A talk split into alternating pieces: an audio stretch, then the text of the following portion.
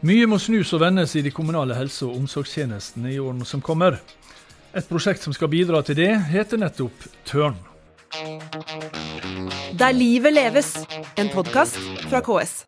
Riktig godt nyttår og hjertelig velkommen til årets første episode av KS-podden Der livet leves. Jeg heter Kjell Erik Saure. Vi tror jo at denne pandemien vi lever under skal ta slutt en dag, og vi håper at den dagen skal komme snart. Eh, noe som ikke tar slutt med det første, og vel ikke med det andre eller tredje heller, det er utfordringene i de kommunale pleie- og helse- og omsorgstjenestene. Vi trenger ikke gjenta alt som er gjentatt mange ganger før om eh, endringer i befolkningssammensetning og annet som skaper disse utfordringene.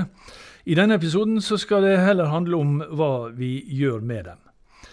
Vi vet at det ikke er nok med flere folk. Vi vet også at vi må organisere arbeidet på nye måter. Og her kommer altså prosjektet Tørn inn. Og her kommer dagens gjester inn. Hjertelig velkommen, Hanne Mensner Lerstang og Merete Tong. Begge jobber i KS. Og begge jobber med det prosjektet vi skal snakke om, nemlig Tørn. Og Merete, veldig kort, for de som aldri har hørt om dette. Hva er Tørn? Tørn det er et prosjekt som KS har fått ansvaret for. Eh, som skal jobbe med en målretta innsats hvor det skal gjøre forsøk med nye arbeids- og organisasjonsformer i helse- og omsorgstjenesten, og særlig knytta til eh, den delen som handler om eh, som døgnkontinuerlige tjenester. Mm. Når du sier at KS har fått ansvaret for dette, hvem er det som si, har, gitt, har, gitt, KS det ansvaret? Jo, prosjektet det er finansiert via Helsedirektoratet, via det som heter Kompetanseløft 2020. Eh, og er bl.a. et virkemiddel for å nå intensjonene i, i, denne Leve hele livet-satsingen. Eh, og særlig da knytta til de områdene som handler om helsehjelp og sammenheng i tjenestene. Mm.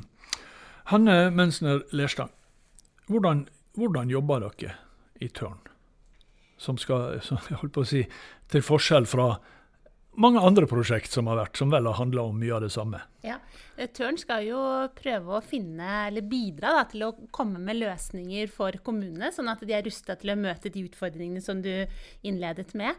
Eh, sånn at Tørn vi har piloter gående. Vi har mhm. to ulike piloter med ulikt tema. Den ene piloten handler om å se på ny oppgavedeling og organisering av arbeidet. Og den andre piloten handler om å se på eh, nye arbeidstidsordninger. Eh, mm. Og der vi, jobber vi tett sammen med til sammen tolv kommuner nå. Vi startet arbeidet i fjor høst og skal holde på ut 2022. Mm. Og det er jo målet med disse pilotene er å uh, utvikle uh, nye verktøy. Som kommunene kan ta bruk for nettopp å kunne organisere arbeidet ved å få brukt kompetansen mer riktig, da, mer spissa, som vi sier. Mm. Og det er jo målet, og vi håper jo at de her pilotene eh, får eh, gode resultater, som vi kan da eh, spre ut til andre, eller til hele landet, til alle kommunene, så de kan ta i bruk dette verktøyet i, i arbeidet. Ja, og Vi skal straks komme inn på disse to pilotene som, som, du, som, du, nevnte. Men bare for å, altså Det er et KS-prosjekt, som du sa, og det er finansiert av, altså statlig finansiert. Uh, men det er flere samarbeidspartnere eller, som er med i, i, i, styringsgruppa for dette? Absolutt. Dette er et partssammensatt eh, samarbeid. Og, og, derfor er det nettopp i styringsgruppa, som består eh, av KS, men også NSF, Delta Altså NSF Sykepleierforbundet? Norsk Sykepleierforbund, mm. eh, Norsk Ergoterapeutforening og Fagforbundet. Ja, Og så nevnte du Delta. Og Delta, ja. ja. Eh, som er altså arbeidstakerorganisasjoner. Ja. Eh, og Da tenkte jeg at vi skulle ta og snakke om denne oppgavefordelingen først. Eh, og når vi snakker om oppgavefordeling, hva er, hva er, eller nei, oppgavedeling heter det. Eh, hva er, hva, er, det vi snakker om da, Hanne? Ja, eh, oppgavedeling er jo KS tenker at det er et viktig verktøy å bruke for å, at man skal bruke den kompetansen man har, mer riktig. Ja, Men eh, oppgavedeling, hva, hva, betyr det når du sier bruke kompetansen ja, riktig? Ja, hva ja. vi legger i det. Ja. ja. Hva det begrepet er. Ja, Oppgavedeling det handler jo om altså at man har en planlagt tilnærming på hvordan man skal løse oppgavene med den kompetansen man har. da. Ja, Hvem som skal gjøre hva, rett og slett. Riktig, ja. At man bruker kompetansen til de oppgavene som trenger den kompetansen. Mm. Og Da er det jo viktig å ta utgangspunkt i brukerens behov for kompetanse. Og Da kan man jo se på f.eks. Kan det bety at helsefagarbeideren på en avdeling gjør alle de vanlige rutinene som å ta blodtrykk, måle respirasjonsfrekvensen, puls, blodsukker, andre oppgaver, sånn at sykepleieren kan få tid til å bruke, bruke kompetansen på de oppgavene som trengs sykepleierkompetanse på. Mm. Som f.eks. Eh, blodoverføring, respirasjonsbehandling, avansert smertebehandling. Nå ja. nevnte du sykepleiere, og det er jo uh, veldig bra. da. At, Og Sykepleierforbundet er en av disse som er med i styringsgruppa. Eh, rett før jeg snakka med dere, så snakka jeg med lederen i Sykepleierforbundet, Lill Sverresdatter Larsen. Og Jeg spurte henne akkurat om det, hvorfor, om hvorfor Sykepleierforbundet har valgt å være med i styringsgruppa for dette prosjektet. Og Vi kan jo høre hva hun svarer på det.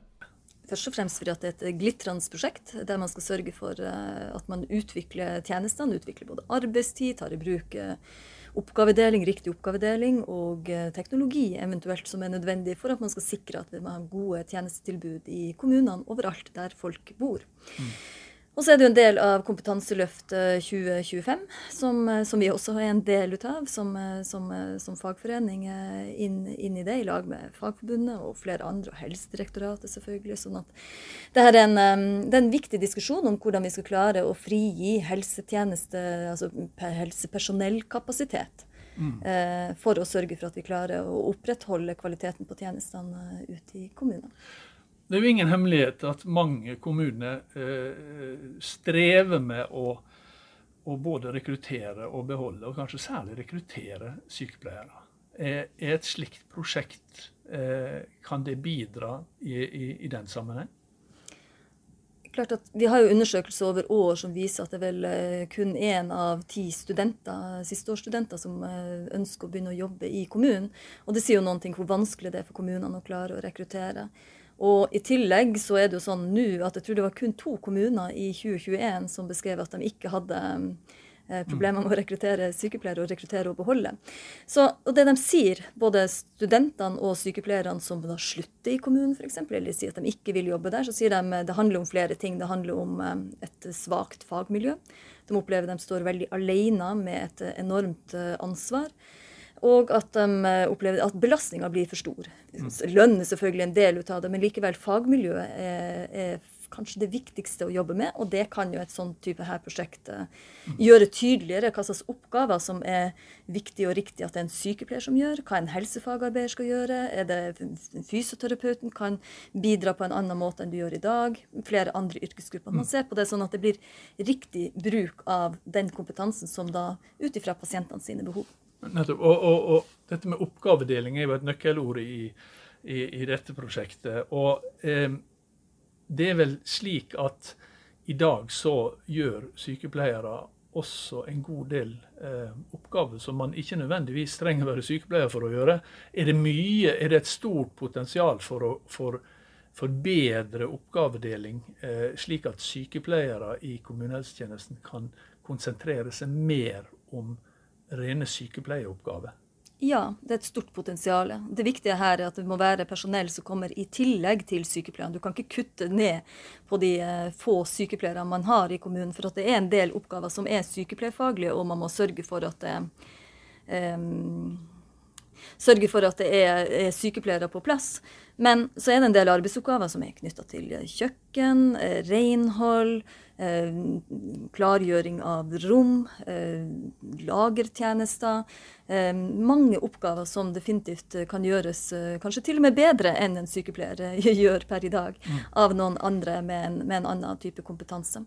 Så også det vil jo frigi. Hvis du får inn flere ut av det personellet med noe som støttepersonell, men også andre som på en måte har mm, Eh, litt sånn sammenlignbare, men likevel kan gjøre oppgaver som er annerledes, og det er det pasienten trenger, så vil du frigi sykepleierkapasitet til det som er eh, rent sykepleierfaglig. Men man må ikke gjøre sånn at du kutter på sykepleierne, eh, sånn at de får en helt utrolig krevende turnus, altså arbeidstid, eh, i helgen f.eks., for, eksempel, for da mister du flere sykepleiere igjen. Og du må heller ikke sørge for at sykepleierne kun skal gjøre delegerte eh, legeoppgaver. Eh, det er noen ting sykepleie er klinikknært. Det er nært pasienten, så du kan ikke gjøre at du ikke skal være nært pasienten heller. Det var Lill Sverresdatter Larsen, leder i Norsk Sykepleierforbund. Og her sitter jeg med Merete Tong og eh, Hanne Mensner Lerstang i KS. Og um, han er altså glitrende prosjekt, sa jo uh, Lill Sverresdatter Larsen. Det, er jo, det, er det var en god begynnelse. Ja, ja, det er godt å høre. Ja. Men rekruttering er jo et nøkkelord. Uh, både for henne, altså for Sykepleierforbundet, og for kommunene. Mm. Uh, og vi vet at særlig sykepleiere er, er vanskelig å rekruttere. ikke særlig, Og bl.a. sykepleiere er vanskelig. Uh, og så har vi hørt dette her, vi, og det er jo en del av dette prosjektet, at vi kan ikke på en måte rekruttere, vi kan ikke løse disse problemene bare med å rekruttere. Men samtidig så vet vi vi trenger flere. Mm. Men kan, kan, en slik oppgavedeling også bidra til å lette rekrutteringa? Jeg var litt inne på det med, med, med at, at, det, at sykepleieryrket f.eks. i, i kommunene blir mer attraktivt? Ja, KS tenker det med en uh, tydeligere oppgavedeling, der mm. de ulike profesjonene får brukt den kompetansen de, de har. Sånn som sykepleiere, sånn som Lill Sverresdatter Larsen mm. uh, nevnte her. At når sykepleierne får, brukt, får arbeidsoppgaver som de skal bruke kompetansen til, så vil det bidra til at sykepleierne opplever at de får gjort en forskjell for, for brukerne, for pasienten. Eh, føler at eh, det blir meningsfylt å, å komme på jobb. Og, og, ikke minst at fagmiljøene blir ja, styrka. Som, som hun nevnte. Ja, som hun ja, nevnte. Det blir, det blir, det er, man, blir, man, har fokus på fag, man har fokus på fagutvikling, innovasjon. Og styrker det, da. Og jeg personlig tror det at når det blir styrka fagmiljø, så får man jo et bedre omdømme også. Ja. For det er en jobb å gjøre med, også, som, som, hun også nevnte, altså det er altfor få sykepleierstudenter som har liksom kommunehelsetjenesten som førstevalg. Ja, KS eh, har jo et prosjekt som heter Jobbvinner. Eh, mm. Og Jobbvinner de jobber veldig mye med det å rekruttere nyutdannede sykepleiere til kommunehelsetjenesten. Mm. For det er riktig som de sier at kommunehelsetjenesten har kanskje hatt et eh, ikke vært så attraktivt for nyutdannede. Men det er i ferd med å snu, fordi ja. studentene ser at det er utrolig spennende, utrolig mangfold. Du får brukt kompetansen din i kommunene. Mm. Etter Samhandlingsreformen så har jo kommunene fått mer og flere avanserte oppgaver som spesialisthelsetjenesten gjorde før. Mm i ferd med å snu, og der kom jo snuordet inn, altså turn igjen. Mm. Ja, ikke eh, sant. Det, det, vi har det, eh, prosjektnavnet Turn det er ja. ikke tilfeldig valgt. Nei. Fordi turn betyr jo å snu og endre på, på engelsk, og det ja. er jo det prosjektet skal bidra med. Vi skal snu og eller ikke snu Ja, vi skal snu, vi skal endre tankesett. Mm. Eh, for det tror jeg det handler mye om her. At vi må endre tankesettet vårt rundt hvordan vi skal jobbe og hvordan vi skal bruke kompetansen framover. Og så er det jo sånn at eh, kommunehelsetjenesten de står jo overfor et turning point. Altså det er et vendepunkt nå mm. så, som er kritisk, og man er nødt, nødt for å ta tak. Ja, og da er vi ved den andre eh, piloten her, Merete Tong. Eh, den heter altså 'Ny organisering av arbeidet gjennom nye verktøy og prosesser for å skape heltidskultur'. Og eh, jeg skal overhodet ikke gjespe, men dette låter kjent. Heltidskultur, det har det vært snakka om ganske lenge. Det var vel i 2013 at den kom den første sånn heltidserklæringa mellom KS da, og disse organisasjonene som sitter i styringsgruppa, altså Delta, Sykepleierforbundet og, og Fagforbundet. Hva er, det, hva er det Tørn skal gjøre som endelig kan gjøre noe med dette? For det, det har gått sakte fremover?